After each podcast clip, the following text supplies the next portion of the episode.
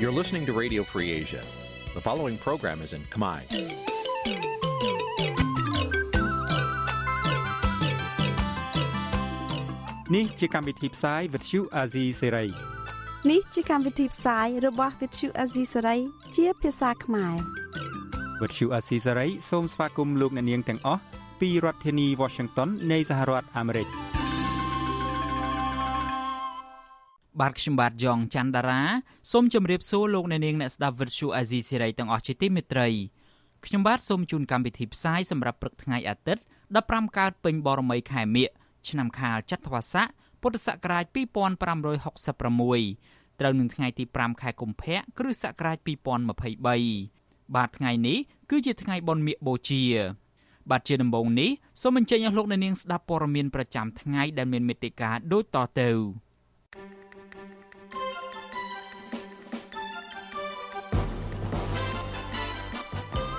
អ្នកគ្រប់គ្រងគណៈបកប្រឆាំងនៅក្រៅប្រទេសថានឹងវិលទៅបោះឆ្នោតវិញដើម្បីស្ដារប្រជាធិបតេយ្យគណៈបកកណ្ដាលអំណាចនៅតែមិនហ៊ានឲ្យលោកសំរងស៊ីវិលចូលស្រុកវិញសមាគមគ្រូបង្រៀនកម្ពុជាឯករាជ្យបន្តធ្វើធម្មយាត្រាទោះប្រឈមការយាយីនឹងការរដ្ឋបិទ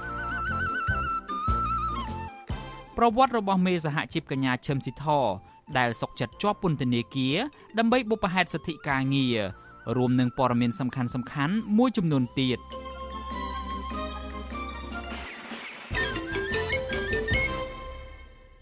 បាទជាបន្តទៅទៀតនេះខ្ញុំបាទយ៉ងច័ន្ទដារាសូមជូនព័ត៌មានទាំងនេះពិស្ដាសកម្មជនគណៈបកភ្លើងទៀននិងពលករខ្មែរដែលរស់នៅប្រទេសថៃបដិញ្ញាចិត្តថា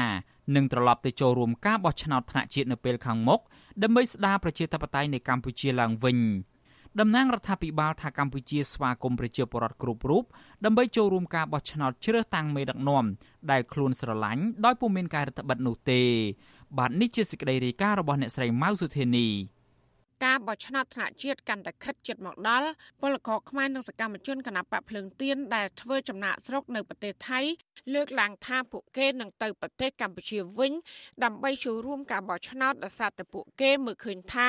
ក្រោមការដឹកនាំរបស់គណបកកណ្ដាលអំណាចកំពុងតែឈ្មោះទៅរកការដឹកនាំបែបផ្ដាច់ការនិងបកពួកនិយម។ សកម្មជនគណបកភ្លើងទៀនម្នាក់ដែលភៀសខ្លួនទៅប្រទេសថៃហើយបច្ចុប្បន្នចូលរួមជីវភាពនយោបាយជាមួយគណបកភ្លើងទៀនលោកឆនសុខឿនប្រាប់បច្ចុប្បន្នស៊ីស្រីនៅថ្ងៃទី4ខែកុម្ភៈថាលោកនឹងវិលត្រឡប់ទៅកម្ពុជាវិញក្នុងពេលឆាប់ឆាប់ដើម្បីចូលរួមការបោះឆ្នោតបើសិនជារដ្ឋាភិបាលលោកហ៊ុនសែនមិនមានការរដ្ឋបិទដល់រូបលោក សកម្មជនរូបនេះអះអាងថាការចូលរួមបោះឆ្នោតរបស់ប្រជាពលរដ្ឋគឺជារឿងសំខាន់ក្នុងការផ្លាស់ប្ដូរក្បាលម៉ាស៊ីនដឹកនាំឆ្ពោះទៅរកការអភិវឌ្ឍនិងការស្ដារឡើងវិញ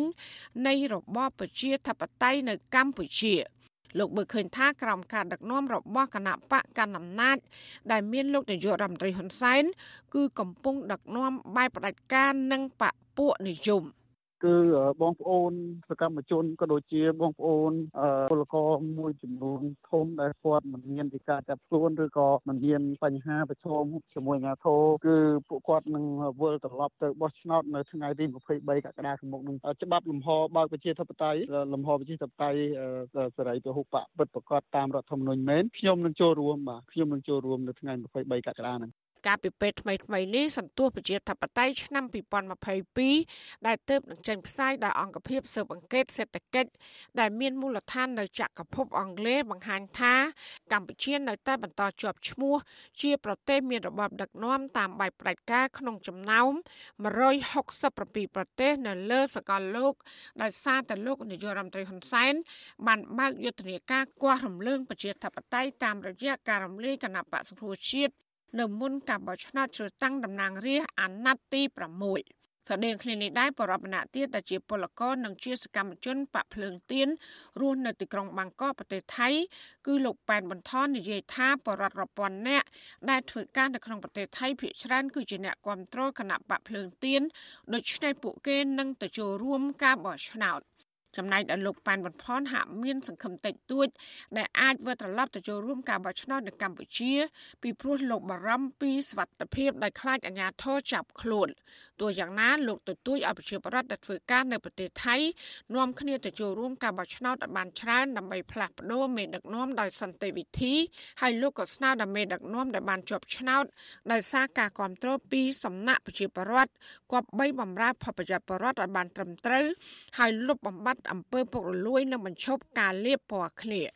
ជុំវិញរឿងនេះអ្នកនាំពាក្យរដ្ឋាភិបាលលោកផៃសិផាន លើកឡើងថារដ្ឋាភិបាលស្វាគមន៍ប្រជាពលរដ្ឋដែលធ្វើការនៅក្រៅប្រទេស និងក្នុងប្រទេស ដោយមិនមានការរើសអើងនោះទេក្នុងការបោះឆ្នោតឆ្នាំ2023នេះ លោកបន្តថាចំពោះពលករដែលមាននិន្នាការជាមួយគណៈបកក្រៅរដ្ឋាភិបាលក៏មានសិទ្ធិពេញលេញក្នុងការចូលរួមការបោះឆ្នោតដោយពុំមានការហាមឃាត់ឬការចាប់ខ្លួននោះឡើយបើសិនជាអ្នកទាំងនោះមិនមានបំរាមពីតុលាការឬក៏ធ្វើខុសគោលការណ៍ច្បាប់ ប្រហែលតែគាត់មានសកម្មភាពណាមួយដែលវាតកតងនឹងការហាម5របស់ច្បាប់ណាហ្នឹងអ្វីដែលជាអំពាវនាវរបស់យុរដ្ឋមន្ត្រីនេះក៏សូមឲ្យដើរចេញពីសកម្មភាពរបស់ដែលសន្តិភាពដែលជាមេរៀនតាមអំពាវនាវឲ្យផ្ដួលរំលំរដ្ឋាភិបាល អ្វីត្បិតទៅលោកផៃសុផានប្រកាសស្វាគមន៍ក្តីក៏អ្នកវិភាគមើលឃើញថាសកម្មជនបពប្រឆាំងនៅតែបារម្ភពីសវត្ថិភាពដសាររដ្ឋាភិបាលមិនទាន់ស្ដារប្រជាធិបតេយ្យនិងការគោរពសិទ្ធិមនុស្សឡើងវិញនៅឡើយជាពិសេសថ្មីថ្មីនេះគណៈបកកណ្ដាលអំណាចបានដាក់ចេញផែនការតាមកំតិចនិងធ្វើទុកបុកម្នេញអ្នកប្រឆាំងជាបន្តបន្ទាប់ដោយជាការប្តឹងដាក់ពន្ធនាគារនិងរឹបអូសទ្រព្យសម្បត្តិជាដើម។ ជុំវិញរឿងនេះដែរអ្នកនាំពាក្យសមាគមអាត6លោកសង្សានករណាមើលឃើញថាដើម្បីផ្ដល់ការជឿទុកចិត្តរបស់រដ្ឋាភិបាល ក្នុងការបើកអពរដ្ឋឬពលករនៅក្រៅប្រទេស អាចមានលទ្ធភាពចូលរួមការបោះឆ្នោតដោយសេរី ត្រឹមត្រូវលុះត្រាតែរដ្ឋាភិបាលត្រូវធានានៅស្ថិរភាពនយោបាយឲ្យបានល្អឡើងវិញ ហើយបញ្ឈប់ការធ្វើទុកបុកម្នេញមកលើបពប្រឆាំងនិងគោរពស្មារតីរដ្ឋធម្មនុញ្ញឲ្យបានត្រឹមត្រូវឡើងវិញ។ ស្ថាប័នពាក់ព័ន្ធទាំងអស់ជាពិសេសខាងស្ថាប័នដែលអនុវត្តទៅលើប្រព័ន្ធយុតិធធគួរតែមានការត្រួតពិនិត្យនៅក្នុងអ្នកដែលកំពុងជាប់ឃុំបច្ចុប្បន្នជាពិសេសអ្នកទោសមនសិការសកម្មជននយោបាយនានាដែលកំពុងជាប់ឃុំហ្នឹងគួរតែមានការទម្លាក់ចោលនៅការចោតប្រកាន់ហើយដោះលែងពួកគេឲ្យមានសេរីភាពជាមុនអញ្ចឹងអ្នកខាងក្រៅច្បាស់ណាស់គេលែងមានការភ័យខ្លាចទេគេអាចចូលមកអនុវត្តនៅសិទ្ធិសេរីភាពរបស់ពួកគេដោយគ្មានការព្រួយបារម្ភ អ្នកខ្លំមើលបញ្ហានយោបាយនិងពលករចំណាក់ស្រុកភាកច្រើនបារម្ភពីស្ថានភាពនយោបាយនៅកម្ពុជាខណៈដែលអ្នកកាន់អំណាចព្យាយាមប្រើប្រាស់អំណាចរបស់ខ្លួន តាមកំចាត់នៅបពប្រឆាំងដែលមានកម្លាំងខ្សោយជាងខ្លួនពួកគាត់ចង់ឃើញអ្នកនយោបាយដោះស្រាយបញ្ហាតាមរយៈការជជែកគ្នា ដើម្បីផលប្រយោជន៍ជាតិជាជាងផលប្រយោជន៍បុគ្គលចាននាងខ្ញុំម៉ៃសុធានីវិទ្យុអសីស្រីប្រធានាធិបតី Washington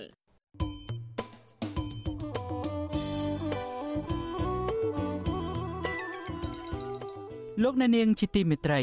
ដំណើរគ្នានឹងស្ដាប់ការផ្សាយរបស់ Vuthu Azizi Siri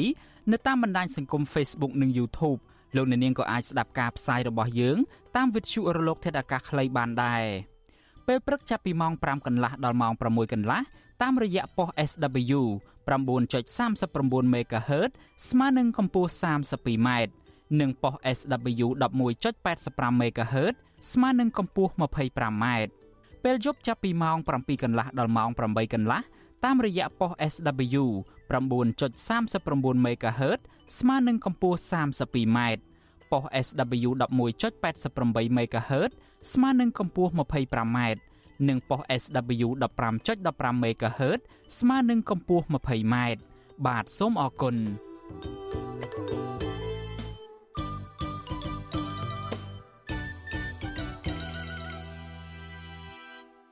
បាទលោកអ្នកនាងជាទីមេត្រីពាក់ព័ន្ធទៅនឹងរឿងនយោបាយនេះដែរតំណាងគណៈបកកណ្ដាលអំណាចអះអាងថាគណៈបកនេះគ្មានការចរចានយោបាយណាមួយជាមួយនឹងមេដឹកនាំគណៈបកប្រឆាំងនៅមុនការបោះឆ្នោតនោះឡើយ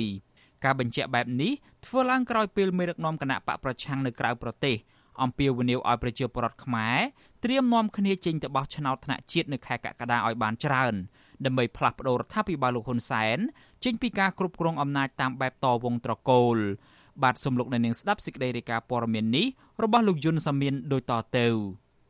លោកសំរងស៊ីប្រធានស្ដីទីគណៈបកសង្គ្រោះជាតិបានជំរុញឲ្យពលរដ្ឋត្រៀមខ្លួនចេញទៅបោះឆ្នោតដើម្បីឲ្យមានការផ្លាស់ប្ដូរក្នុងការបោះឆ្នោតជ្រើសតាំងតំណាងរាស្ត្រអាណត្តិទី7នៅខែកក្កដាខាងមុខនេះឆ្លើយតបទៅនឹងការអំពាវនាវនេះគណៈបកកណ្ដាលអំណាចចាត់ទុកសាររបស់មេគណៈបកប្រឆាំងថាជាល្បិចកលនយោបាយ លោកសំរងស៊ីបានអំពាវនាវពលរដ្ឋខ្មែរចេញទៅបោះឆ្នោតដោយរក្សាឧត្តមគតិដើមហើយកុំបារម្ភពីការលួចបន្លំសัญลักษณ์ឆ្នោតតទៅទៀតលោកសំរងស៊ីលើកឡើងថាលោកហ៊ុនសែនអាចគ្រប់គ្រងអំណាចរហូតដល់សពថ្ងៃដោយសារតែការលួចបន្លំសัญลักษณ์ឆ្នោតលោកថាដំណោះស្រាយដែលល្អនោះគឺប្រសិនបើពលរដ្ឋខ្មែរចេញទៅបោះឆ្នោតនៅខែកក្កដាមានចំនួនច្រើនលើសលប់ដើម្បីឲ្យមានការផ្លាស់ប្ដូរលោកហ៊ុនសែន មិនអាចប្រកែកនឹងឆន្ទៈពលរដ្ឋខ្មែរបានឡើយ។បើយើងទៅបោះឆ្នោតទាំងអស់ណាសិលឹកឆ្នោតដែលទៀមទាឲ្យមានការផ្លាស់ប្ដូរវាច្រើនលើលោកទោះជាខាងហ៊ុនសែនគេលួចលួចអត់អស់ទេវាច្រើនពេកលួចអត់អស់ទេកាលពីគណៈបកសង្គ្រោះជាតិលួចប៉ុណ្្នឹងហើយពាក់កដាលនគរ តែបើឥឡូវមនគរយើងទាំងមូលទៅបោះឆ្នោតដើម្បីដេញហ៊ុនសែនចេញខ្ញុំជឿថាចង់លួចសដឹកឆ្នោតប្រមាណក៏លួចអត់អស់ដែរអ្វីដែលនៅសល់គឺនៅតែជាសដឹកឆ្នោតអ្នកស្នេហាជាតិអ្នកប្រជាធិបតេយ្យដដែលកម្ពុជារៀបចំការបោះឆ្នោតជ្រើសតាំងតំណាងរាស្ត្រអាណត្តិទី7នៅថ្ងៃអាទិត្យទី23ខែកក្កដាឆ្នាំ2023 គណៈកម្មាធិការជាតិរៀបចំការបោះឆ្នោតហៅកាត់ថាកោជបនៅតែរងការរិះគន់ពីសហគមន៍ជាតិនិងអន្តរជាតិថាជាស្ថាប័នពុំឯករាជ្យមិនមានអព្យាក្រឹតភាព និងមាននិន្នាការគ្រប់គ្រងគណៈបកកណ្ដាលអំណាចគណៈក្បាលម៉ាស៊ីនមេដឹកនាំនិងមន្ត្រីជាន់ខ្ពស់នៃស្ថាប័នជាតិមួយនេះភាកច្រើនសុទ្ធតែជាមនុស្សចេញមកពីជួរមន្ត្រីជាន់ខ្ពស់របស់គណៈបកប្រជាជនកម្ពុជាពាក់ព័ន្ធទៅនឹងការលើកឡើងរបស់លោកសំរងស៊ីនេះ អ្នកនាំពាក្យគណៈបកប្រជាជនកម្ពុជាលោកសុកអេសាន ប្រាប់វិទ្យុអាស៊ីសេរីថាតាមរយៈស្នាដៃដឹកនាំប្រទេសរយៈពេល6អាណត្តិកន្លងមកនេះគណៈបកប្រជាជនកម្ពុជាមិនបារម្ភឬភ័យខ្លាចចរន្តពលរដ្ឋចេញទៅបោះឆ្នោតដើម្បីឲ្យមានការផ្លាស់ប្ដូរដោយការលើកឡើងរបស់លោកសំរងស៊ីនោះទេលោកថាគណៈបកនេះនឹងទទួលបានសម្លេងយ៉ាងហោចណាស់ជាង75%ដែរួ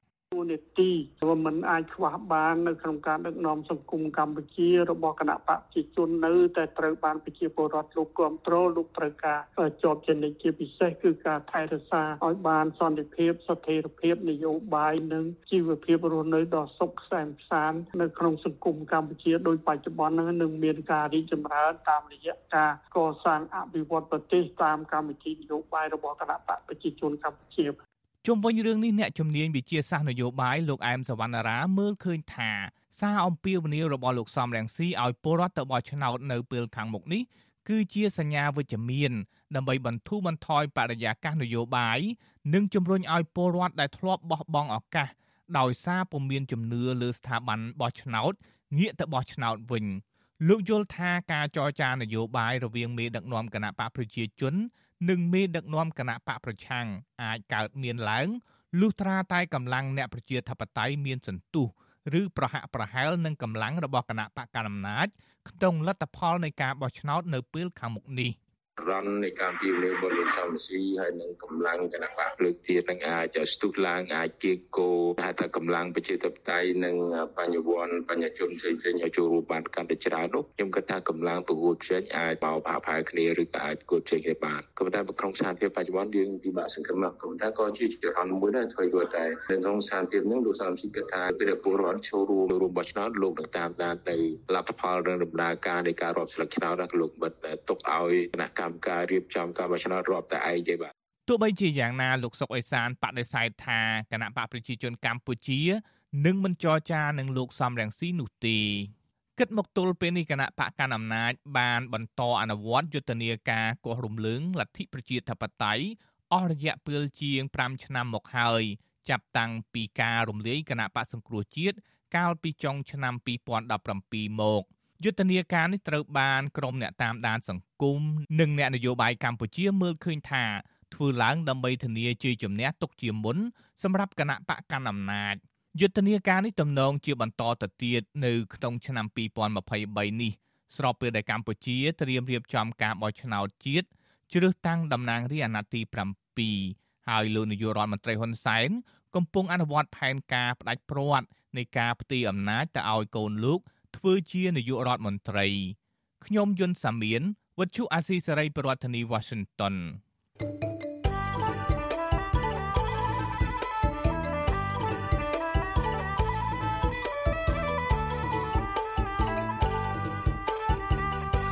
បាទលោកអ្នកនាងជាទីមេត្រីពាក់ព័ន្ធទៅនឹងរឿងនយោបាយនេះដែរមេដឹកនាំគណៈបកប្រឆាំងចោតប្រកាន់រដ្ឋាភិបាលលោកហ៊ុនសែនថា កំពុងតែលាក់បាំងអំពើពុករលួយ និងទិន្នន័យពិតប្រាកដនៃបំណុលរបស់ជាតិនិងប្រជាពលរដ្ឋដែលបណ្ដាលឲ្យប្រជាពលរដ្ឋខ្មែរធ្លាក់ចូលទៅក្នុងបន្ទាត់នៃភាពក្រីក្រអ្នកវិភាគសេដ្ឋកិច្ចពិនិត្យឃើញថាបំណុលសាធារណៈមិនទាន់ធ្លាក់ក្នុងកម្រិតធ្ងន់ធ្ងរនៅឡើយទេក៏ប៉ុន្តែបំណុលឯកជននៅកម្ពុជាមានកម្រិតខ្ពស់ដែលតម្រូវឲ្យរដ្ឋាភិបាលយកចិត្តទុកដាក់ដោះស្រាយបញ្ហានេះលោកសំរងស៊ីប្រធានស្ដីទីគណៈបកសង្គ្រោះជាតិលើកឡើងថា បញ្ហាបំណុលនៅកម្ពុជានឹងបង្កទៅជាបញ្ហានៅពេលអនាគតដោយសារតែរដ្ឋាភិបាលលោកហ៊ុនសែនលាក់បាំងពីតួលេខបំណុលសាធារណៈដែលបន្ទុកការសងបំណុលទាំងនោះនឹងធ្លាក់មកលើប្រជាពលរដ្ឋខ្មែរលោកសំរងស៊ីថ្លែងនៅក្នុងទំព័រ Facebook របស់លោកដោយចោទប្រកាន់លើរដ្ឋាភិបាលលោកហ៊ុនសែនថាបានប្រព្រឹត្តអំពើពុករលួយ តាមរយៈការកັບកេងបំណុលសាធារណៈលោកបន្តថាកម្ពុជាកំពុងមានវិបត្តិបំណុលចំនួន2គឺបំណុលសាធារណៈ ដែលបង្កប់ទៅដោយអំពើពុករលួយ តាមរយៈការកັບកេងនិងវិបត្តិបំណុលឯកជនជំពាក់ដែលប្រជាពលរដ្ឋខ្មែរជាច្រើនអ្នកកំពុងជាប់ផុងនៅក្នុងបំណុលធនាគារគ្រឹះស្ថានមីក្រូហិរញ្ញវត្ថុដែលបំណុលទាំងនេះមានចំនួនច្រើនជាងប្រាក់ចំណូលប្រចាំឆ្នាំរបស់ប្រជាពលរដ្ឋទៅទៀត រដ្ឋាភិបាលហ៊ុនសែនក៏លាក់បំណុលច្រើនណាស់បំណុលរបស់រដ្ឋដែលជំពាក់បរទេសគឺច្រើនច្រើនមែនទែនអានឹងជាវិបត្តិទី1ហើយវិបត្តិទី2គឺបំណុលប្រជាពលរដ្ឋបំណុលឯកជនគឺច្រើនច្រើនលើសគេក្នុងពិភពលោកដូចខ្ញុំនិយាយអបាញ់មិញគ្មានពលរដ្ឋណាជំពាក់លុយគេច្រើនជាងគេដោយពលរដ្ឋខ្មែរក្រោមរបបហ៊ុនសែននឹងទេបាទ ការលើកឡើងរបស់អតីតរដ្ឋមន្ត្រីក្រសួងសេដ្ឋកិច្ចរូបនេះគឺស្របគ្នាទៅនឹងរបាយការណ៍របស់អង្គការដំឡាភិបកម្ពុជាចេញផ្សាយកាលពីខែកក្កដាឆ្នាំ2022ដែលថារដ្ឋាភិបាលកម្ពុជា បានជំពាក់បំណុលបរទេសសរុបជាង9000លានដុល្លារអាមេរិកនៅក្នុងនោះកម្ពុជាជំពាក់មហាអំណាចកុម្មុយនីសចិនដល់ទៅជាង42%ដែលជាចំនួនខ្ពស់ជាងគេនៃបំណុលកម្ពុជាបានខ្ចីប្រទេសដទៃទៀតហើយបំណុលទាំងនេះ រដ្ឋាភិបាលកម្ពុជាមានលទ្ធភាពចរចាដោះស្រាយត្រឹមតែក្នុងទំហំ6%ប៉ុណ្ណោះវិទ្យុអាស៊ីសេរីមិនអាចតាក់ទងរដ្ឋលេខាធិការប្រចាំការនៃក្រសួងសេដ្ឋកិច្ចនិងហិរញ្ញវត្ថុលោកវង្សសីវិសុទ្ធដើម្បីសុំការបកស្រាយរឿងនេះបានទេ នៅថ្ងៃទី4ខែកុម្ភៈក៏ប៉ុន្តែលោកវង្សសីវិសុទ្ធបានថ្លែងនៅក្នុងវេទិកាសាធារណៈកាលពីថ្ងៃទី25មករាថា កម្ពុជានៅតែរក្សាស្ថិរភាពនៃការគ្រប់គ្រងបំណុលសាធារណៈបានល្អប្រសើរហើយបំណុលដែលកម្ពុជាជំពាក់បរទេសបច្ចុប្បន្ននេះមានប្រមាណជាង10,000លានដុល្លារឬស្មើនឹងចំនួន34%នៃផលិតផលក្នុងស្រុកសរុបបើតាមក្រសួងសេដ្ឋកិច្ចកម្ពុជានៅមិនទាន់ធ្លាក់ទៅក្នុងវិបត្តិបំណុលវ័នកនៅឡើយទេ ពីព្រោះកម្ពុជា ជាប្រទេសដែលជំពាក់បំណុលបរទេសតិចជាងគេ នៅក្នុងចំណោមប្រទេសនៅក្នុងតំបន់អាស៊ាន លើកលែងតែប្រទេសប្រ៊ុយណេលោកវង្សសីវិសុទ្ធអះអាងទៀតថាកម្ពុជាមានបំណុលឯកជននៅក្នុងប្រព័ន្ធធនាគារចំនួន56,000លានដុល្លារឬស្មើនឹង180%នៃផលិតផលក្នុងស្រុកសរុបលោកថាអត្រានេះគឺជាតួលេខមួយខ្ពស់ជាងធម្មតាសម្រាប់ការកំណត់នៅក្នុងប្រទេសកំពុងអភិវឌ្ឍដោយកម្ពុជា ដែលត្រូវមានបំណុលវិស័យឯកជន នៅក្នុងប្រព័ន្ធធនាគារប្រមាណ70%នៃ GDP ទោះជាយ៉ាងណា អ្នកតាមដានសេដ្ឋកិច្ចនៅតែព្រមានថាបើកម្ពុជារកបានតែ70ហើយចាយដល់ទៅ100នោះបំណុលបរទេសដែលរដ្ឋាភិបាលជំពាក់នឹងបន្តកើនឡើងជារៀងរាល់ឆ្នាំស្របពេលដែលកញ្ចប់ថវិកាជាតិសម្រាប់ចំណាយប្រចាំឆ្នាំកាន់តែច្រើនឡើង ទន្ទឹមគ្នានេះអ្នកតាមដានសេដ្ឋកិច្ចជំរុញឲ្យរដ្ឋាភិបាល គួរតែប្រើប្រាស់ថវិកាជាតិដោយប្រុងប្រយ័ត្នដើម្បីធានាបាននូវលំនឹងសេដ្ឋកិច្ចនិងទប់ទល់កំណើនអតិផរណានៅក្នុងស្ថានភាពវិបត្តិសេដ្ឋកិច្ចសកលពីព្រោះកម្ពុជាជាប្រទេសកំពុងអភិវឌ្ឍនៅឡើយអ្នកវិភាគសេដ្ឋកិច្ចឯករាជ្យលោកច័ន្ទសុផលមានប្រសាសន៍ថាបំណុលសាធារណៈរបស់កម្ពុជា នៅមិនទាន់ដល់កម្រិតប្រកាសអាសន្ននៅឡើយទេក៏ប៉ុន្តែបំណុលឯកជនជារឿងដែលគួរឲ្យព្រួយបារម្ភពីព្រោះបំណុលទាំងនេះមានចំនួនច្រើន ហើយប៉ះពាល់ខ្លាំងទៅលើប្រជាពលរដ្ឋលោកយល់ឃើញថារដ្ឋាភិបាល គួរតែបង្កើតឱកាសនិងបង្កលក្ខណៈងាយស្រួលដល់ប្រជាពលរដ្ឋនៅក្នុងការប្រកបការងារអាជីវកម្មផ្សេងផ្សេងដើម្បីឲ្យមានលទ្ធភាពសងបំណុលទាំងនោះនិងផ្ដល់ជំនួយទៅដល់ប្រជាពលរដ្ឋក្រីក្រជាដើមជាធម្មតាជ័យគេមកត្រូវតែមានមុខបញ្ញាចំណាយឲ្យបានច្បាស់លាស់ហើយជាពិសេសគឺការវិនិយោគដើម្បីបង្កើតជាចំណូលជាតិចំណូលប្រជាពលរដ្ឋទៅខាងអនាគត របាយការណ៍វិតម្លៃទៅលើសេដ្ឋកិច្ចកម្ពុជានៅឆ្នាំ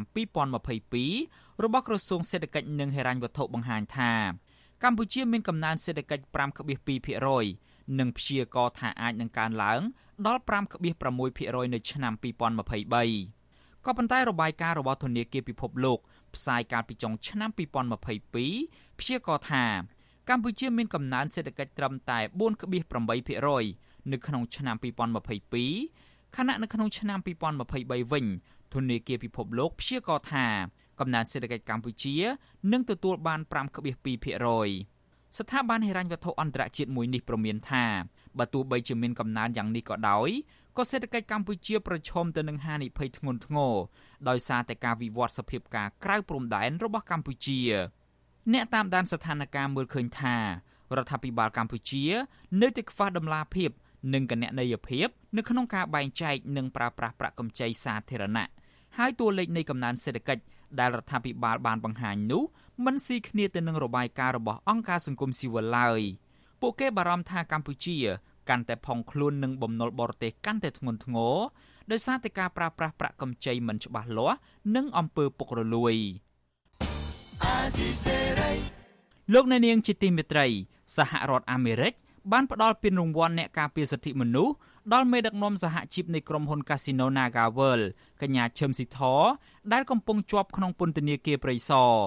តើកញ្ញាឈឹមស៊ីធបានធ្វើអ្វីខ្លះដើម្បីការពារអត្ថប្រយោជន៍បុគ្គលិកនិងថាតើ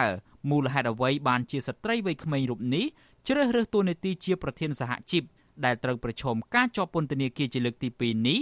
បាទលោកអ្នកនាងនឹងបានស្ដាប់សេចក្តីរាយការណ៍នេះពិស្ដានៅក្នុងការផ្សាយរបស់យើងនៅពេលបន្តិចទៀតនេះ។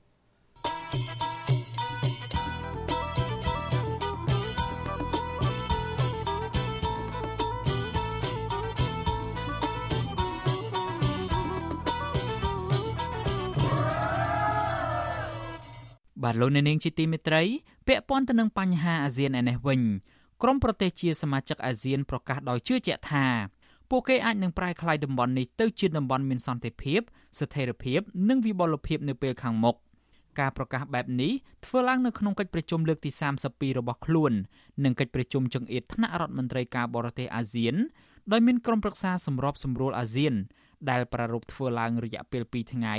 គឺនៅថ្ងៃទី3និងទី4ខែកុម្ភៈឆ្នាំ2023នេះកិច្ចប្រជុំនេះប្រព្រឹត្តទៅនៅលេខាធិការដ្ឋានអាស៊ាន នៅទីក្រុងចាកាតាប្រទេសឥណ្ឌូនេស៊ីក្រសួងការបរទេសកម្ពុជាឲ្យដឹងនៅក្នុងសេចក្តីប្រកាសព័ត៌មានថា កិច្ចប្រជុំនាពេលនេះគឺជាប្រវត្តិសាស្ត្រថ្មីមួយទៀតសម្រាប់អាស៊ានដោយរដ្ឋមន្ត្រីការបរទេសរបស់ប្រទេសទីម៉ូខាងកើតគឺអ្នកស្រី Adalgisa Mano បានចូលរួមក្នុងកិច្ចប្រជុំថ្នាក់រដ្ឋមន្ត្រីជាលើកដំបូងបន្ទាប់ពីអាស៊ានឯកភាពជាគោលការណ៍ឲ្យប្រទេសទីម៉ូខាងកើតក្លាយជាប្រទេសសមាជិកអាស៊ានទី11ពេលកម្ពុជាធ្វើជាប្រធានអាស៊ានកាលពីឆ្នាំ2022រដ្ឋមន្ត្រីការបរទេសអាស៊ានបានឯកភាពគ្នាថា អធិភាពគន្លឹះរបស់ប្រធានអាស៊ាននៅក្នុងឆ្នាំនេះនឹងជួយប្រែក្លាយអាស៊ានឲ្យទៅជាតំបន់មានសន្តិភាព ស្ថិរភាព និងវិបុលភាពការប្រកាសបែបនេះគឺស្របពេលដែលប្រទេសលោកសេរី បានរិះគន់ជាបន្តបន្ទាប់ថាប្រទេសនៅក្នុងតំបន់អាស៊ានមួយចំនួនមានការរំលោភសិទ្ធិមនុស្សនិងលទ្ធិប្រជាធិបតេយ្យធ្ងន់ធ្ងរជាពិសេសនៅកម្ពុជា ដែលជាប្រធានបដូវវេនអាស៊ានកាលពីឆ្នាំមុន និងប្រទេសភូមាឬមីយ៉ាន់ម៉ាជាដើមអាស៊ីសេរី បាទលោកអ្នកនាងជាទីមេត្រីពាក់ព័ន្ធទៅនឹងរឿងសន្តិសុខសម្ដាប់ធ្នាប់ឯនេះវិញអញ្ញាធរខេត្តប្រសេះហនុបដញ្ញាការពីសម្ដាប់ធ្នាប់សង្គមនិងទប់ស្កាត់ជនបរទេសណា ដែលប្រព្រឹត្តបទល្មើសច្បាប់នៅកម្ពុជាមន្ត្រីសង្គមស៊ីវិលស្នើដល់អាជ្ញាធរគួរតែបង្ហាញឆន្ទៈពិតប្រាកដក្នុងការអនុវត្តជាក់ស្ដែង និងលុបបំបាត់អំពើពុករលួយ ដោយសារតែកន្លងទៅ សមត្ថកិច្ចខេត្តព្រះសីហនុហាក់គ្មានយន្តការច្បាស់លាស់ដើម្បីគ្រប់គ្រងជនបរទេសឲ្យមានប្រសិទ្ធភាពនៅឡើយទេ បាទលោកសេកបណ្ឌិតរាយការណ៍ព័ត៌មាននេះអភិបាលខេត្តប្រសេនុទទួលស្គាល់ថាខេត្តប្រសេនុមានបញ្ហាប្រឈមមួយចំនួន ជាពិសេសបទល្មើសដោយជនបរទេសការប្រកបរបរអាជីវកម្មលបែងស៊ីសងខុសច្បាប់ ដែលជាមូលហេតុបង្កឲ្យប៉ះពាល់ដល់ការអភិវឌ្ឍប្រជាពលរដ្ឋ អ្នកវិនិយោគិន និងភ្ញៀវទេសចររដ្ឋបាលខេត្តប្រសេនុឲ្យដឹងកាលពីថ្ងៃទី3ខែកុម្ភៈថាអាជ្ញាធរមានសមត្ថកិច្ចពង្រឹងវិធានការការពារសន្តិសុខសម្រាប់ធ្នាប់សាធារណៈទប់ស្កាត់និងបង្ក្រាបរាល់ការប៉ុនប៉ងធ្វើសកម្មភាពភេរវកម្មសកម្មភាពឧក្រិដ្ឋកម្មជាអាតបទឧក្រិដ្ឋឆ្លងដែនខុសច្បាប់បទល្មើសគ្រឿងញៀនការជួញដូរមនុស្សបទល្មើសបង្ខាំងចម្រិតឆោបោកតាមអនឡាញនិងបទល្មើសលបែងស៊ីសងខុសច្បាប់គ្រប់ប្រភេទ អាជ្ញាធរខេត្តប្រសេនុប្រកាសរឹតបន្តឹងច្បាប់បែបនេះស្របពេលដែលភ្ញៀវទេសចរបរទេសចាប់ផ្ដើមចូលមកកំសាន្តនៅកម្ពុជា ក្រៅពីនេះក្រសួងទេសចរគ្រងធ្វើពិធីទទួលស្វាគមន៍ភ្ញៀវទេសចរចិន នៅជើងហោះហើរទី2នៅប្រលានយន្តហោះអន្តរជាតិខេត្តសៀមរាបនាពេលឆាប់ឆាប់ខាងមុខនេះគិតបន្ទល់នឹងពីនេះមានភ្ញៀវទេសចរចិនចំនួនជាង100នាក់ហើយបានធ្វើដំណើរតាមច្រកប្រលានយន្តហោះខេត្តប្រសេនុមកកំសាន្តនៅកម្ពុជា ទោះយ៉ាងណាអភិបាលខេត្តប្រសេនុលោកគួចចម្រើន បានណែនាំដល់អាជ្ញាធរមានសមត្ថកិច្ចគ្រប់ជាន់ថ្នាក់ក្នុងខេត្តនេះឲ្យបង្កើនសកម្មភាពក្នុងការឆ្លើយតបឲ្យទាន់ពេលវេលាចំពោះបញ្ហាសន្តិសុខនិងសុវត្ថិភាពភ្ញៀវទេសចរក្រៅពីនេះលោកជំរុញឲ្យបុគ្គលិកនៃអាជីវកម្មសេវាកម្មសហគ្រាសរោងចក្រកាស៊ីណូសន្តាគារត្រូវចុះបញ្ជីស្ដីពីការងារនិងច្បាប់ស្ដីពីអន្តោប្រវេសន៍បន្ថែមពីលើនេះ ត្រូវមានវិធានការស្រាវជ្រាវបទល្មើសឆ្លងដែនជាពិសេសសកម្មភាពភេរវកម្មការសម្អាតប្រាក់ការជួញដូរអាវុធជាតិផ្ទុះនិងក្រុមជលល្មើសកិច្ចខ្លួនមកពីបរទេសតាមច្រកប្រលានយន្តហោះនិងច្រកកំពង់ផែសមុទ្រជាដើមវិទ្យុអសីស្រីនៅពុំទាន់អាចតតងអភិបាលខេត្តប្រសេនុលោកគួចម្រើនស្នងការនគរបាលខេត្តប្រសេនុនិងអ្នកនាំពាក្យសាលាខេត្តនេះគឺលោកខៀងភិរមដើម្បីអត្ថាធិប្បាយជុំវិញរឿងនេះបានទេនៅថ្ងៃទី4ខែកុម្ភៈជុំវិញរឿងនេះ អ្នកសម្របសម្រួលសមាគមការពារសិទ្ធិមនុស្សអាត6ប្រចាំខេត្តប្រសេនុអ្នកស្រីជាបសុធារី មានប្រសាសន៍ថាការប្រកាសរបស់អាជ្ញាធរខេត្តប្រសេនុថាបដិញ្ញាចិត្តទប់ស្កាត់បទអ ுக ្រិតនានានេះធ្វើឡើងឲ្យល្អមើលតែប៉ុណ្ណោះប៉ុន្តែការអនុវត្តជាក់ស្ដែងសមាជិកហាក់មានចន្លោះប្រហោងច្រើនដែលធ្វើឲ្យក្រុមអ ுக ្រិតជន តែងតែអាចបង្កបទល្មើសពាក់ព័ន្ធនឹងការជួញដូរមនុស្សនិងរត់ពន្ធគ្រឿងញៀនជាដើម បន្ថែមពីលើនេះអ្នកស្រីរីគុណថាស្ថាប័នតុលាការក្នុងខេត្តប្រសេនុតែងតែរឹតបន្តឹងព័ត៌មានក្រោយសម្រេចសាលក្រមក្នុងការផ្ដន្ទាទោសអ ுக ្រិតជននានាពេលកន្លងទៅ។ យើងឃើញហើយសមត្ថកិច្ចលោកបានចាប់អីចឹងមែនបញ្ជូនទៅតុលាការហើយក៏មានការបើកស្វែងបណ្ណាការសារក្រមដាក់ទោសដាក់អីចឹងវាមានប៉ុន្តែតុលាការជាន់ខ្ពស់គឺយើងមានសាលាឧទ្ធរនិងតុលាការកំពូលប៉ុន្តែសួរថាការសម្រេចទោសចុងក្រោយរហូតទៅដល់តុលាការកំពូលតើជននឹងគាត់បានទទួលទោសទៅតាមច្បាប់កម្ពុជាប្រហែលឆ្នាំប្រហែលឆ្នាំអត់យើងតែងតែធ្វើការទៀមទាចង់ដឹងពីលទ្ធផលនៃការជំនុំជម្នះក្តីតាមច្បាប់កម្ពុជា កន្លងទៅរដ្ឋមន្ត្រីក្រសួងមហាផ្ទៃលោកសខេងក៏ធ្លាប់រិះគន់អាជ្ញាធរខេត្តប្រសេនុពាក់ព័ន្ធនឹងរឿងបង្ហាញរបាយការណ៍គ្មានតម្លាភាពជុំវិញរឿងជនបរទេសប្រព្រឹត្តបទល្មើសនៅក្នុងខេត្តនេះរបាយការណ៍អគ្គនាយកដ្ឋានអន្តោប្រវេសន៍ឲ្យដឹងថា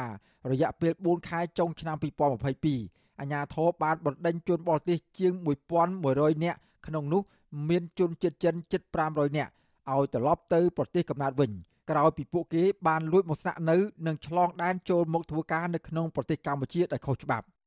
ខ្ញុំបាទសេកបណ្ឌិតវិទ្យុអាស៊ីសេរីពីរដ្ឋធានីវ៉ាស៊ីនតោន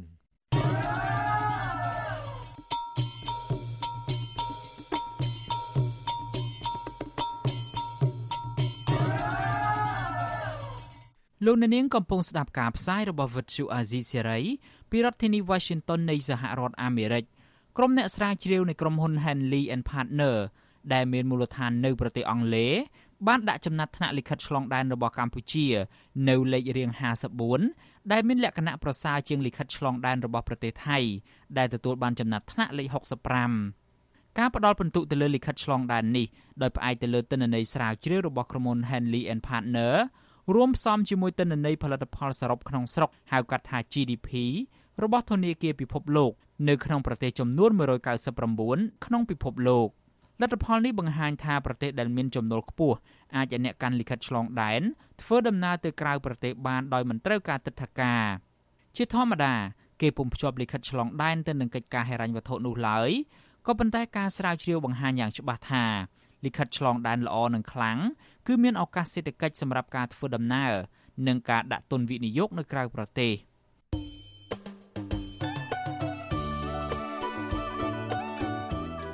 លោកអ្នកនាងជាទីមេត្រី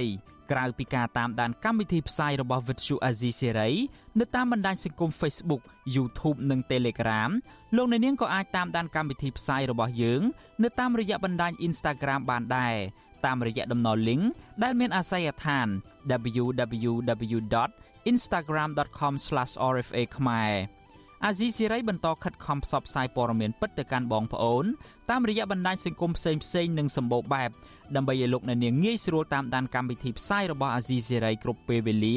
និងគ្រប់ទីកន្លែង តាមរយៈទូរស័ព្ទរបស់លោកអ្នកនាង បាទសូមអរគុណ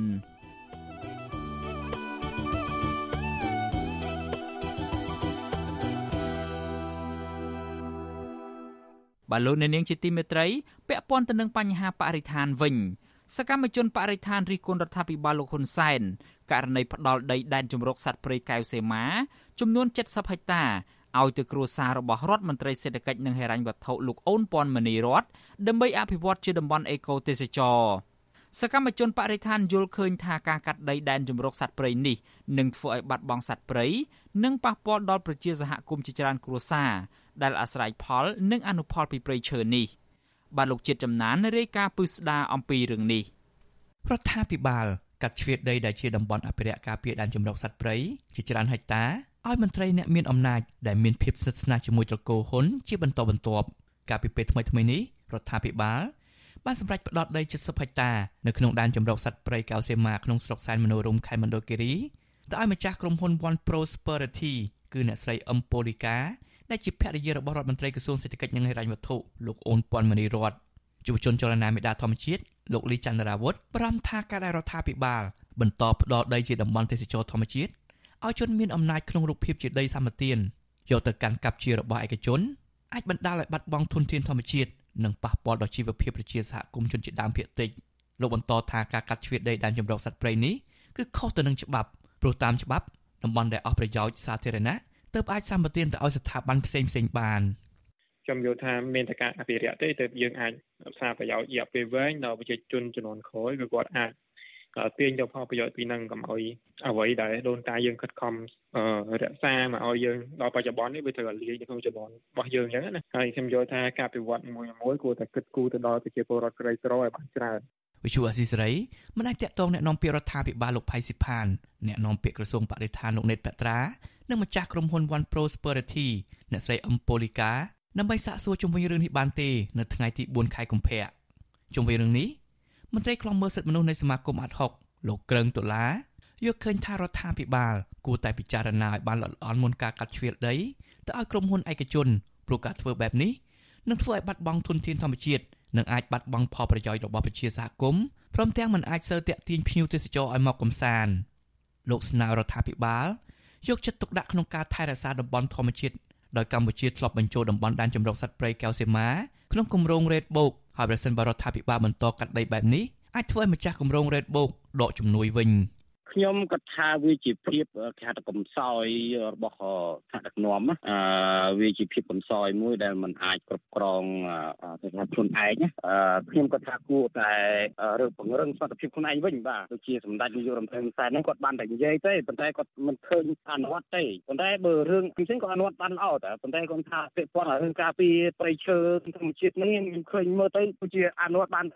បានតែមួយឆាវនិយាយលេងអញ្ចឹងមើលទៅដូចជាអញ្ចឹងណាមិនអាចខ្ញុំគិតថាគួរតែអនុវត្តច្បាប់វិញយើងមិនគួរអនុវត្តបទបញ្ជាទេរយៈពេលប្រហែលឆ្នាំចុងក្រោយនេះលោកនាយករដ្ឋមន្ត្រីហ៊ុនសែនបានចុះហត្ថលេខាប្រគល់ដីសាធារណៈរបស់រដ្ឋមានបឹងទន្លេព្រៃភ្នំនិងតំបន់អភិរក្សដែលការពារដោយច្បាប់ជាច្រើនកន្លែងប្រគល់ឲ្យក្រុមអង្គការនិងអ្នកជំនួញធំធំដែលជិតស្និទ្ធនឹងគ្រួសាររបស់លោកជាឧទាហរណ៍កាលពីថ្ងៃទី27ខែមិថុនាឆ្នាំ2022លោកហ៊ុនសែនបានកាត់ជ្រៀតដីទំហំជាង200ហិកតា នៅឧទ្យានជាតិព្រះសូរាមរិតគិរីរំស្រុកភ្នំស្រួចខេត្តកំពង់ស្ពឺប្រកល់ទៅឲ្យក្រុមហ៊ុន One More ម្ចាស់ក្រុមហ៊ុននេះគឺអ្នកស្រីចឹងសុគន្ធធីវីដែលជាកូនស្រីបង្ការរបស់អ្នកស្រីចឹងសុភីបហៅយេភូដែលជាដៃគូចំនួនស្និទ្ធជាមួយនឹងក្រុមគ្រួសាររបស់លោកហ៊ុនសែនខ្ញុំបាទជាចំណាន Visual Assisray ប្រធានាទី Washington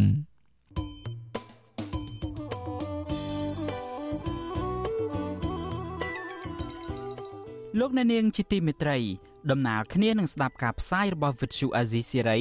នៅតាមបណ្ដាញសង្គម Facebook និង YouTube លោកអ្នកនាងក៏អាចស្ដាប់ការផ្សាយរបស់យើង តាម Vuthu រលកធាតុអាកាសខ្លីបានដែរ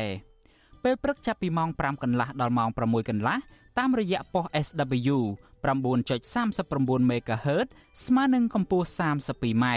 និងប៉ុស SW 11.85 MHz ស្មើនឹងកម្ពស់ 25m ពេលយប់ចាប់ពីម៉ោង7កន្លះដល់ម៉ោង8កន្លះ តាមរយៈប៉ុស SW 9.39 MHz ស្មើនឹងកម្ពស់ 32m ប៉ុស SW 11.88 MHz ស្មើនឹងកម្ពស់ 25m និងប៉ុស SW 15.15 MHz ស្មើនឹងកម្ពស់ 20m បាទសូមអរគុណ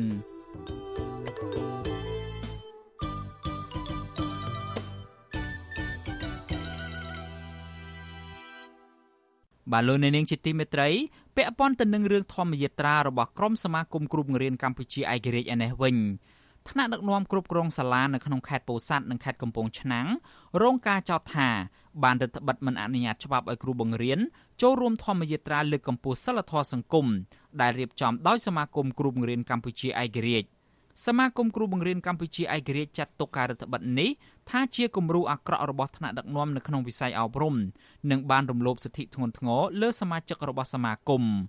បាទអ្នកស្រីម៉ៅសុធានីរាយការណ៍ពឹស្ដារដាច់ដライមួយទៀតអំពីរឿងនេះ សមាគមគ្រូបង្រៀនកម្ពុជាឯករាជ្យយល់ឃើញថាការមិនអនុញ្ញាតច្បាប់ឲ្យគ្រូបង្រៀនមកចូលរួមដង្ហែធម្មយាត្រានេះ គឺបង្ហាញពីការរដ្ឋបិទសិទ្ធិរបស់គ្រូបង្រៀនដែលមានឆន្ទៈក្នុងការចូលរួមលើកកម្ពស់ក្រមសីលធម៌សង្គមប្រធានសមាគមគ្រូបង្រៀនកម្ពុជាឯករាជ្យនៅខេត្តពោធិ៍សាត់អ្នកស្រីកឹមដារនីប្រាប់បច្ចុប្បន្នអសីស្រី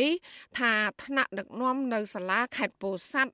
និងខេត្តកំពង់ឆ្នាំងមិនបានអនុញ្ញាតច្បាប់ឲ្យសមាជិកគ្រូបង្រៀនកម្ពុជាឯករាជ្យចូលរួមដង្ហែធម្មយាត្រានោះឡើយ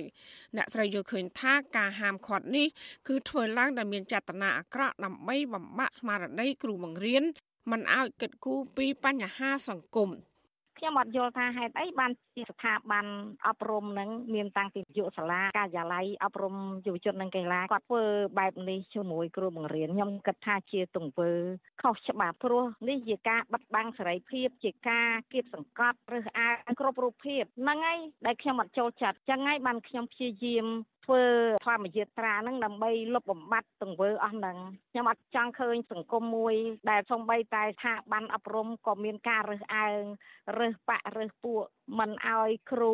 មាននិន្នាការនយោបាយណាក្រៅពីគ្រប់គ្រងគណៈបកកណ្ដាលអំណាចអញ្ចឹងគឺខ្ញុំអត់ចូលចិត្ត ទោះបីជាស្ថិតក្នុងវ័យជរានិងមានជំងឺសន្លាក់ឆ្អឹង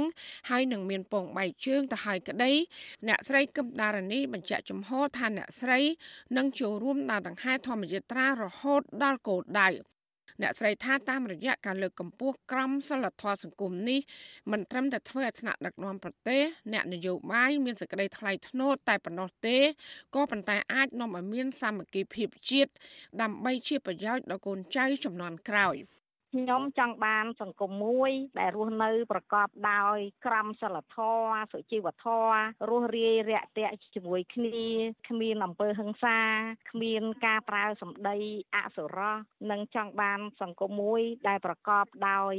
យុត្តិធម៌ព្រោះតើតែមានយុត្តិធម៌តើតែមាន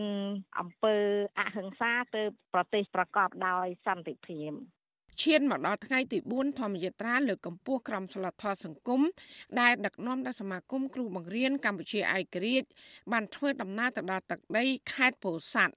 ទោះបីជាមានការរឹតបន្តឹងមិនអនុញ្ញាតច្បាប់នឹងនៅតែមានក្រុមអាជ្ញាធរតាមថតរូបអ្នកចូលរួមដង្ហែធម្មយាត្រាក៏ដោយក៏នៅតែមានសមាជិកគ្រូបង្រៀនកម្ពុជាឯករាជ្យមកចូលរួមដង្ហែធម្មយាត្រានោះដែរ គ្រូបង្រៀនជាង40នាក់បានផ្លាស់ប្ដូរគ្នាមកចូលរួមដង្ហែធម្មយាត្រានេះនៅថ្ងៃទី4ខែកុម្ភៈក្នុងនោះក៏មានគ្រូបង្រៀនមួយចំនួន បានជំនះមកចូលរួមដង្ហែពេញមួយថ្ងៃតែម្ដងជុំវិញរឿងនេះវិទ្យុអសីស្រីមិនអាចតាក់ទងแนะនាំពាក្យក្រសួងអប់រំលោករស់សុវិចាដើម្បីបកស្រាយរឿងនេះបានឡើយនៅថ្ងៃទី4ខែកុម្ភៈដោយសារទូរស័ព្ទហៅចូលតែពុំមានអ្នកទទួល។ ក្បួនធម្មយាត្រាលើកកម្ពស់សិលធម៌សង្គមដែលថ្មើរជើងចេញពីរាជធានីភ្នំពេញកាលពីថ្ងៃទី1ខែកុម្ភៈឆ្ពោះទៅខេត្តពោធិ៍សាត់ដោយឆ្លងកាត់ខេត្តកណ្ដាលកំពង់ស្ពឺនិងខេត្តកំពង់ឆ្នាំង នៅតាមដងផ្លូវដង្ហែធម្មយាត្រានេះបរដ្ឋខ្លះប្រកេនភេសជ្ជៈនិងថ្នាំសង្កូវដល់ប្រសង់និងអ្នកដែលចូលរួមដង្ហែអ្នកចូលរួមនាំគ្នាកាន់ទង់ជាតិខ្មែរនិងទង់សាសនាហើយអ្នកខ្លះទៀតក៏កាន់រូបថតអ្នកទោសនយោបាយដូចជាកញ្ញាសេងធីរី និងមេដឹកនាំសហជីព Nagawal កញ្ញាឈឹមស៊ីធជាដើម ជុំវិញរឿងនេះដែរប្រធានសមាគមគ្រូបង្រៀនកម្ពុជាឯករាជ្យអ្នកស្រីអុកឆៃយវីឲ្យដឹងថាការរដ្ឋបិទពីថ្នាក់ដឹកនាំសាលាមកលើសមាជិកគ្រូបង្រៀនកម្ពុជាឯករាជ្យមិនឲ្យចូលរួមធម្មយាត្រាដូចនេះបង្ហាញពីគំរូអាក្រក់របស់ថ្នាក់ដឹកនាំសាលានិងគំរាមកំហែងសិទ្ធិសេរីភាពបញ្ចេញមតិអ្នកស្រីបន្ថែមថាការរដ្ឋបិទនេះ គឺផ្ទុយពីសេចក្តីប្រកាសរបស់ក្រសួងមហាផ្ទៃកាលពីថ្ងៃទី26ខែមករាកន្លងមកនេះដែលបានអនុញ្ញាតឲ្យសមាគមគ្រូបង្រៀនធ្វើធម្មយាត្រា ខ្ញុំសូមឲ្យនាយកសាលានាយករងថ្នាក់ដឹកនាំគ្រប់លំដាប់ថ្នាក់មើលសចនរបស់រដ្ឋាភិបាលបើសិនជាយើងនិយាយពីគ្រួសារមួយឪពុកម្ដាយបើកផ្លូវឲ្យហើយយើងទាំងអស់គ្នាមិនអនុវត្តបានន័យថាពួកទាំងអស់នោះទេជាអ្នកប្រឆាំងនឹងបទបញ្ជាមិនមែនពួកខ្ញុំអ្នកប្រឆាំងទេបើអស់លោកទាំងអស់នឹងបិទស្តុកបែបនេះបានន័យថាពួកអស់លោកមិនស្ដាប់បង្គាប់មេកោយហើយហើយសូមឲ្យអឺលុបបំបត្តិចោលទៅអាការបិទស្តុបទាំងអស់នេះសមាគមគ្រូបង្រៀនកម្ពុជាឯករាជ្យលើកឡើងថាថ្នាក់ដឹកនាំក្នុងវិស័យអប់រំមានភាពលំអៀងរវាងគ្រូបង្រៀនដែលមាននិន្នាការឯករាជ្យឬផ្ទុយពីរដ្ឋាភិបាលនិងគ្រូបង្រៀនដែលគ្រប់គ្រងគណៈបកកាន់អំណាចគ្រូបង្រៀនដែលជាសមាជិកគណៈបកកាន់អំណាចតែងតែយកពេលវេលាទៅប្រជុំពង្រឹងបក ឬធ្វើពិធីបញ្ចូលសមាជិកបកនៅក្នុងសាលាតែម្ដងដោយឡែកគ្រូបង្រៀនដែលមាននានាការផ្ទុយពីរដ្ឋាភិបាល តែងតែទទួលបានការគម្រាមកំហែងដកចេញពីក្របខ័ណ្ឌរដ្ឋនិងរងបាត់ចោតពីសំណាក់តុលាការក្នុងនោះគឺមានគ្រូបង្រៀន3នាក់ដែលជាសកម្មជនគណៈបកសង្គ្រោះជាតិដូចជាលោកសុនធុនលោកកែវថៃនិងលោកពៀតម៉ាប់ នៅបន្តជាប់ឃុំក្នុងពន្ធនាគារដោយអយុត្តិធម៌នៅឡើយក្រោមបទចោទញុះញង់និងរួមកំណត់ក្បត់ចាននាងខ្ញុំម៉ៅសុធានីវិទ្យុអាស៊ីសេរីប្រធានាធិបតី Washington លោកអ្នកនាងកញ្ញាជាទីមេត្រីវិទ្យុអាស៊ីសេរីសូមជូនដំណឹងថាយើងគ្មានអ្នកយកព័ត៌មានប្រចាំនៅប្រទេសកម្ពុជាទេប្រសិនបើមានជនណាម្នាក់ អះអាងថាជាអ្នកយកព័ត៌មានឲ្យវិទ្យុអាស៊ីសេរីនៅកម្ពុជានោះគឺជាការក្លែងបន្លំយកឈ្មោះអាស៊ីសេរីទៅប្រើនៅក្នុងគោលបំណងទុច្ចរិតណាមួយរបស់បុគ្គលនោះតែប៉ុណ្ណោះបាទសូមអរគុណ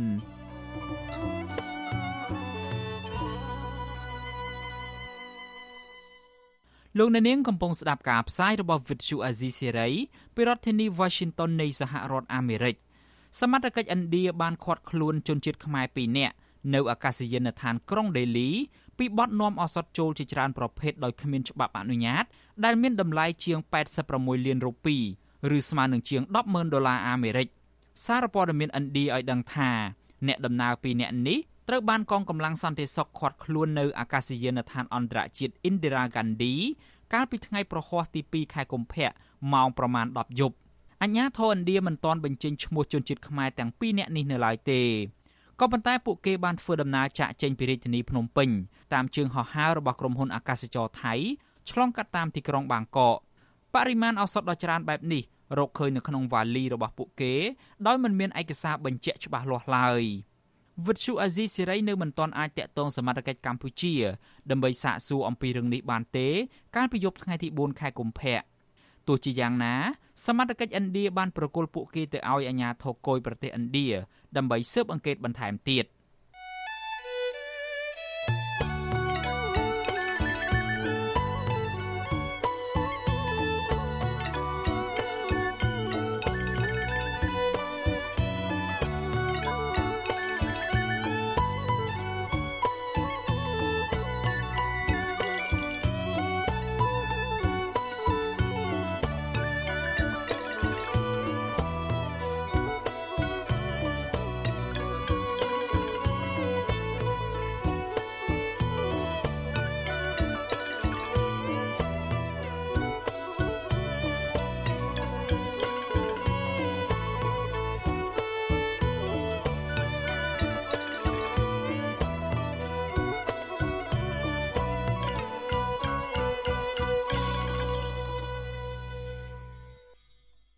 អ្នកនាងជាទីមេត្រីសហរដ្ឋអាមេរិកបានផ្ដល់ពានរង្វាន់អ្នកការពារសិទ្ធិមនុស្សដល់មេដឹកនាំសហជីពនៃក្រុមហ៊ុន Casino NagaWorld កញ្ញាឈឹមស៊ីធដែលកំពុងជាប់ក្នុងពន្ធនាគារព្រៃសរតើកញ្ញាឈឹមស៊ីធបានធ្វើអ្វីខ្លះដើម្បីការពារអត្ថប្រយោជន៍បុគ្គលិកនិងថាតើ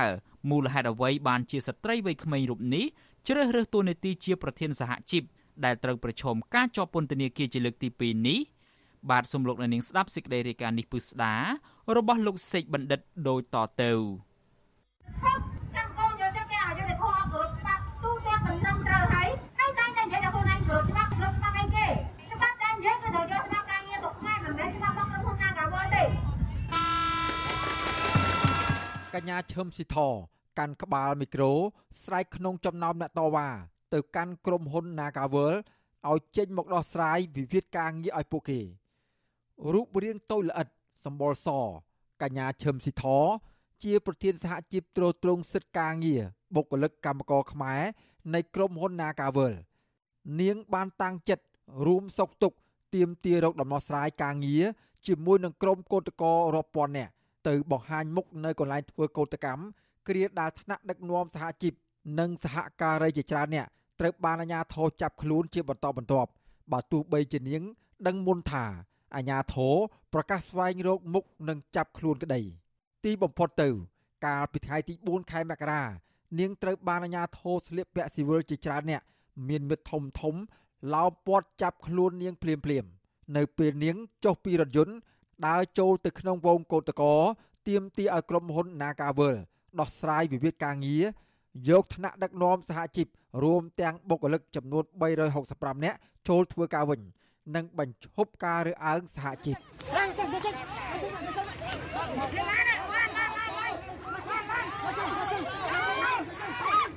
មិនមែនជាការផ្ទះផ្អើលសម្រាប់កញ្ញាឈឹមស៊ីធពេកទេព្រោះនាង បានសន្និដ្ឋានរួចទៅហើយថានឹងមានថ្ងៃនេះ គឺនាងនឹងជាប់ពន្ធនាគារស៊ីធបានត្រៀមខ្លួនរួចជាស្រេចនាងបានកាត់សក់ខ្លីឈរថតរូបកាន់បដាតែប្រមាណម៉ោងប៉ុណ្ណោះមុនការចាប់ខ្លួន ដោយពីដានោះបានសរសេរថាខ្ញុំជាប់គុកដោយសារទៀមទាឲ្យ Nagawal គោរពសិទ្ធិសហជីពព្រោះតែភាពអង់អាចក្លាហានរបស់កញ្ញាឈឹមស៊ីធនេះហើយធ្វើឲ្យសាធារណជន អ្នកធ្វើការងារសង្គមអ្នកធ្វើការងារនៅក្នុងវិស័យការងារអង្គការសង្គមស៊ីវិលជាតិនិងអន្តរជាតិនិងអ្នកជំនាញសិទ្ធិមនុស្សរបស់អង្គការសហប្រជាជាតិផងយល់ថានេះជាការប្រើប្រាស់សិទ្ធិសេរីភាពនៃការជួបប្រជុំសម្ដែងមតិដោយសន្តិវិធី និងធានាដោយច្បាប់មិនមែនជាបទល្មើសនោះទេតុលាការក្រុងភ្នំពេញបានចោទប្រកាន់កញ្ញាឈឹមស៊ីធពីបទញុះញង់ឲ្យប្រព្រឹត្តបទឧក្រិដ្ឋជាអាតពាក់ព័ន្ធនឹងការធ្វើកោតកម្មអហិង្សារបស់ក្រុមកោតក្រ Nagawal អាញាធរបានចាប់មេសហជីពរូបនេះដាក់ពន្ធនាគារជាលើកទី1កាលពីខែមករាឆ្នាំ2022ហើយក៏បានដោះលែងឲ្យនៅក្រៅឃុំនៅខែមីនា មុននឹងចាប់ខ្លួនកញ្ញាជាថ្មីម្ដងទៀតកាលពីថ្ងៃទី26ខែវិច្ឆិកាឆ្នាំ2022បញ្ហានេះនាំឲ្យសហគមន៍ជាតិនិងអន្តរជាតិថ្កោលទោសអាញាធរកម្ពុជា ថាបានរំលោភសិទ្ធិមនុស្សនិងរំលោភសិទ្ធិការងារធ្ងន់ធ្ងរដែលបញ្ហាគឺផ្ដើមចេញពីចំនួនវិវាទការងាររវាងក្រុមហ៊ុន Casino NagaWorld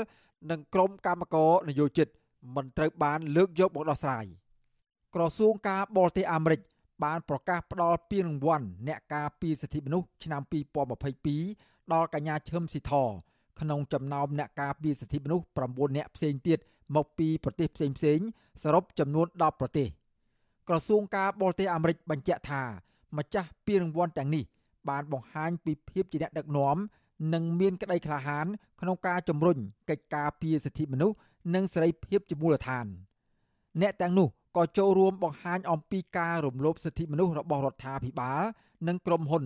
និងបានរួមគ្នាបង្កើតសកម្មភាពការពារបរិស្ថានកែប្រែអភិបាលកិច្ចឲ្យបានល្អនិងប្រកបដោយការទទួលខុសត្រូវព្រមទាំងបំបត្តិអំពើនិទានភាពកញ្ញាឈឹមស៊ីធមានស្រុកកំណើតនៅស្រុកពីមជោខេត្តព្រៃវែងហើយបានមកធំធាត់រស់នៅក្នុងទីក្រុងភ្នំពេញនៅពេលដែលឪពុកម្ដាយ ដែលជាអ្នករកស៊ីបានផ្លាស់ទីលំនៅចេញពីខេត្តព្រៃវែងស៊ីធធ្លាប់ជាសិស្សរៀនជាប់ចំណាត់ថ្នាក់សិស្សពូកែផ្នែកគណិតវិទ្យានៅវិទ្យាល័យព្រះស៊ីសវត្តនាងបានអាហារូបករណ៍ផ្នែកសេដ្ឋកិច្ចនិងព័ត៌មានវិទ្យានៅសាកលវិទ្យាល័យភូមិន្ទនីតិសាស្ត្រនិងវិទ្យាសាស្ត្រសេដ្ឋកិច្ចនាងចេះភាសាអង់គ្លេសនិងចិនយ៉ាងស្ទាត់ជំនាញនិងចេះភាសាថៃអាចទំនាក់ទំនងគ្នាបានកញ្ញាឈឹមស៊ីធ បានប្រឡូកការងារសហជីពដោយចាប់ផ្ដើមពីសមាជិកធម្មតា នៅក្នុងឆ្នាំ2007គឺនៅមួយឆ្នាំ ក្រោយពីនាង បានចូលធ្វើការងារនៅក្រុមហ៊ុន Nagavel ស៊ីធធ្លាប់ផ្ដល់បទសម្ភាសឲ្យវិទ្យុអាស៊ីសេរីថានាងឈឺចាប់នៅពេលដែលនាងឃើញសហជីពចំនួនមុនមុននាង នៅក្រុមហ៊ុននេះត្រូវបញ្ឈប់ពីការងារទាំងគ្មានកំហុសនៅពេលដែលពួកគេ ទាមទាររកលក្ខខណ្ឌការងារ និងប្រាក់ឈ្នួលសមរម្យសម្រាប់បុគ្គលិកដោយមានសមានចិត្តចង់ជួយបុគ្គលិកគ្នាឯងនិងសង្កេតឃើញភាពអយុត្តិធម៌នេះទើបជំរុញទឹកចិត្តឲ្យនាងប្រឹងប្រែងក្នុងទូនាទីសហជីពនេះរហូតមកភាពអយុត្តិធម៌នេះបានធ្លាក់ដល់កញ្ញាឈឹមស៊ីធមែនកាលពីយប់ថ្ងៃទី20ខែកញ្ញាឆ្នាំ2019កន្លងទៅ ក្រុមហ៊ុន Nagavel បានសម្រេចព្យួរការងារកញ្ញាឈឹមស៊ីធដែលកាលនោះ នាងបានតាមសួរនាំហេតុផលរឿងសន្តិសុខក្រុមហ៊ុនឆែកកាបូបបុគ្គលិកម្នាក់ហើយបានឃើញនឹងដកហូតអាវយឺតដែលមានសរសេរថា ក្រុមហ៊ុនរីកចម្រើន បុគ្គលិកត្រូវការប្រាក់ខែរស់នៅសមរម្យករណីនេះក្រុមហ៊ុនបានចោទថាកញ្ញាជាមេខ្លោងនាំបុគ្គលិកពាក់អាវយឺតធ្វើយុទ្ធនាការទាមទារប្រាក់ឈ្នួលក្រោយក្រសួងការងារផ្សះផ្សាជាមួយនឹងតំណាងក្រុមហ៊ុន និងតំណាងសហជីពក្រុមហ៊ុននេះ មិនបានទទួលយកកញ្ញាឈឹមស៊ីធឲ្យចូលធ្វើការងារវិញឡើយក្រៅពីនេះកញ្ញាឈឹមស៊ីធក៏ធ្លាប់ជាប់បណ្ដឹងរដ្ឋបវេនីមួយនៅតុលាការដោយក្រុមហ៊ុនប្តឹងទាមទារសំណងចំនួន1លាន7សែនដុល្លារដោយសារតែការដឹកនាំធ្វើកោតកម្មនៅក្នុងឆ្នាំ2013ក្នុងយុទ្ធនាការទាមទារលក្ខខណ្ឌការងារជាពិសេសគឺទាមទារដំឡើងប្រាក់ឈ្នួលសមរម្យប៉ុន្តែហើយស៊ីធមិនបានរៀថយទេ ប្រធានសហព័ន្ធសហជីពកម្មករចំណីអាហារនិងសេវាកម្មកម្ពុជា អ្នកស្រីអ៊ូទេផូលីនថ្លែងថា អ្នកស្រីស្ញប់ស្ញែងចំពោះឆន្ទៈនិងការលះបង់សេរីភាពរបស់កញ្ញាឈឹមស៊ីធនៅពេលនេះអ្នកស្រីអ៊ូទេផូលីនដែលជាដៃគូការងារជារៀមច្បងនិងជាមិត្តភក្តិចិត្តដិតជាមួយនឹងកញ្ញាឈឹមស៊ីធសង្កេតឃើញថាស៊ីធគឺជាមនុស្សមានទឹកចិត្តមុតស្រួចមើងម៉ាត់និងមានការបញ្ញាចិត្តខ្ពស់ ហើយតែងតែចេះឈឺឆ្អាលចំពោះបញ្ហាសង្គមហើយមិនដែលត្អូញត្អែពីការធ្វើការងារដោយស្ម័គ្រចិត្តគ្មានប្រាក់ខែនោះឡើយគាត់យល់ថាការងារសហជីពមួយគត់ជាការងារដែលបានធ្វើបន់ប៉ັດជាមួយនឹងមនុស្សរស់ ទាមទារអត្ថប្រយោជន៍ពីតកែអីហ្នឹងបានមកដល់កម្មករយុជិកគឺធ្វើបន់ជាមួយមនុស្សរស់ហើយមនុស្សទាំងអស់ហ្នឹងគឺសមនឹងទទួលបានអ្វីដែលពួកគាត់ប្រឹងប្រែងទៅណាក៏ដោយស៊ីតអត់តែបំភ្លេចចោលនៅនិយាយពីរឿងការងារសង្គមឯទោះបីយើងគិតថាអូឥឡូវពេលជាពេល holiday យើងអត់ចង់និយាយរឿងការងារណាដែលតែធ្វើយើងតានតឹងផ្លូវអារម្មណ៍ផ្លូវចិត្តទេណា ប៉ុន្តែស៊ីធតែងតែនិយាយរហូតទៅចែកគ្នារហូតទៅលើរឿងកន្លែងណាដែលយើងទៅដល់ខេត្តណាទៅដល់កន្លែងណាគឺយើងតែងតែមើលឃើញអំពីទុកលំបាករបស់ប្រជាពលរដ្ឋទូទៅដោយសារតែអយុត្តិធម៌សង្គមដែលធ្វើឲ្យក្មេងៗបាត់បង់ការសិក្សាដែលធ្វើឲ្យមនុស្សជាច្រើនគេងនៅតាមផ្លូវ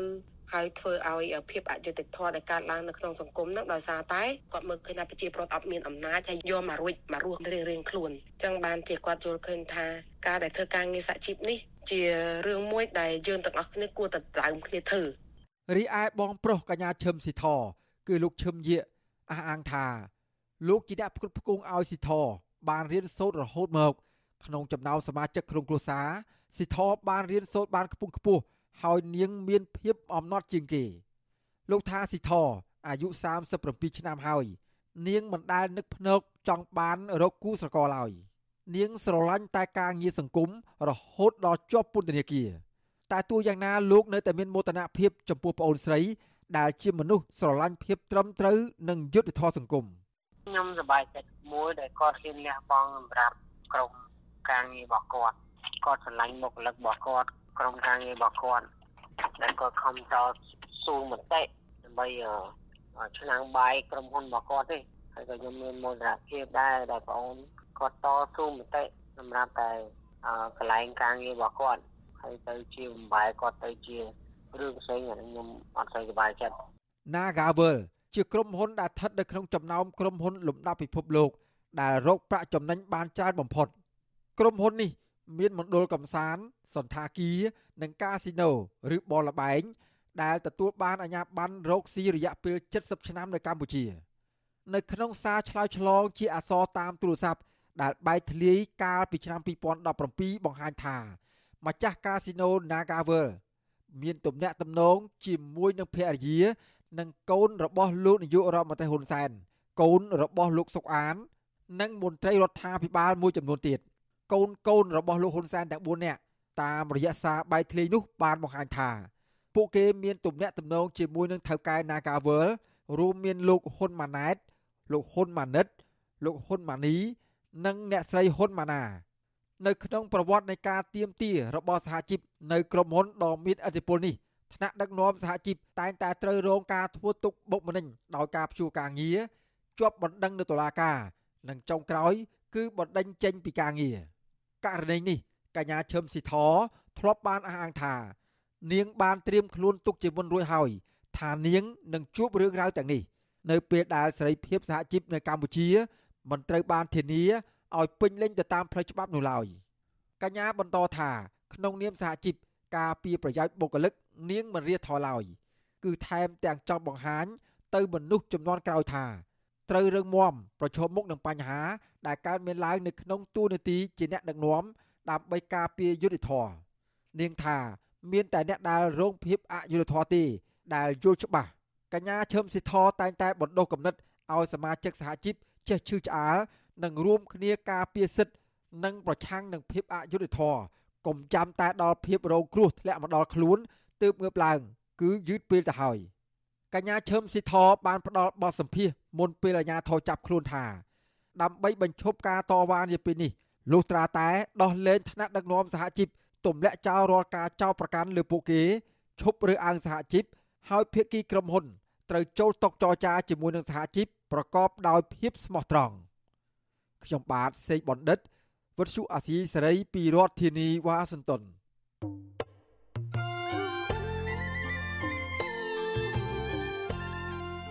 លោកអ្នកនាងជាទីមេត្រី នៅក្នុងឱកាសនេះដែរខ្ញុំបាទសូមថ្លែងអំណរគុណដល់លោកអ្នកនាងកញ្ញាទាំងអស់ដែលតែងតែមានភក្ដីភាពចំពោះការផ្សាយរបស់យើងហើយចាត់ទុកការស្ដាប់វិទ្យុអាស៊ីសេរីគឺជាផ្នែកមួយនៃសកម្មភាពប្រចាំថ្ងៃរបស់លោកអ្នកនាងគឺការគ្រប់គ្រងរបស់លោកអ្នកនាងនេះហើយដែលធ្វើឲ្យយើងខ្ញុំមានទឹកចិត្តកាន់តែខ្លាំងក្លាថែមទៀតនៅក្នុងការស្វែងរកនិងផ្តល់ព័ត៌មានជូនលោកអ្នកនាង មានអ្នកស្ដាប់អ្នកទស្សនាកាន់តែច្រើនកាន់តែធ្វើឲ្យយើងខ្ញុំមានភាពស្វាហាប់ មោះមុតជាបន្តទៅទៀតយើងខ្ញុំសូមអរគុណទុកជាមុនហើយសូមអញ្ជើញលោកអ្នកនាងកញ្ញាទាំងអស់ចូលរួមជំរុញឲ្យសកម្មភាពផ្តល់ព័ត៌មានយើងនេះកាន់តែជោគជ័យបន្ថែមទៀតលោកអ្នកនាងអាចជួយយើងខ្ញុំបានដោយគ្រាន់តែចុចចែករំលែកឬមួយក៏ Share ការផ្សាយរបស់យើងនៅលើបណ្ដាញសង្គម Facebook និង YouTube ទៅកាន់មិត្តភ័ក្តិដើម្បីឲ្យការផ្សាយរបស់យើងបានទៅដល់មនុស្សកាន់តែច្រើន បាទសូមអរគុណ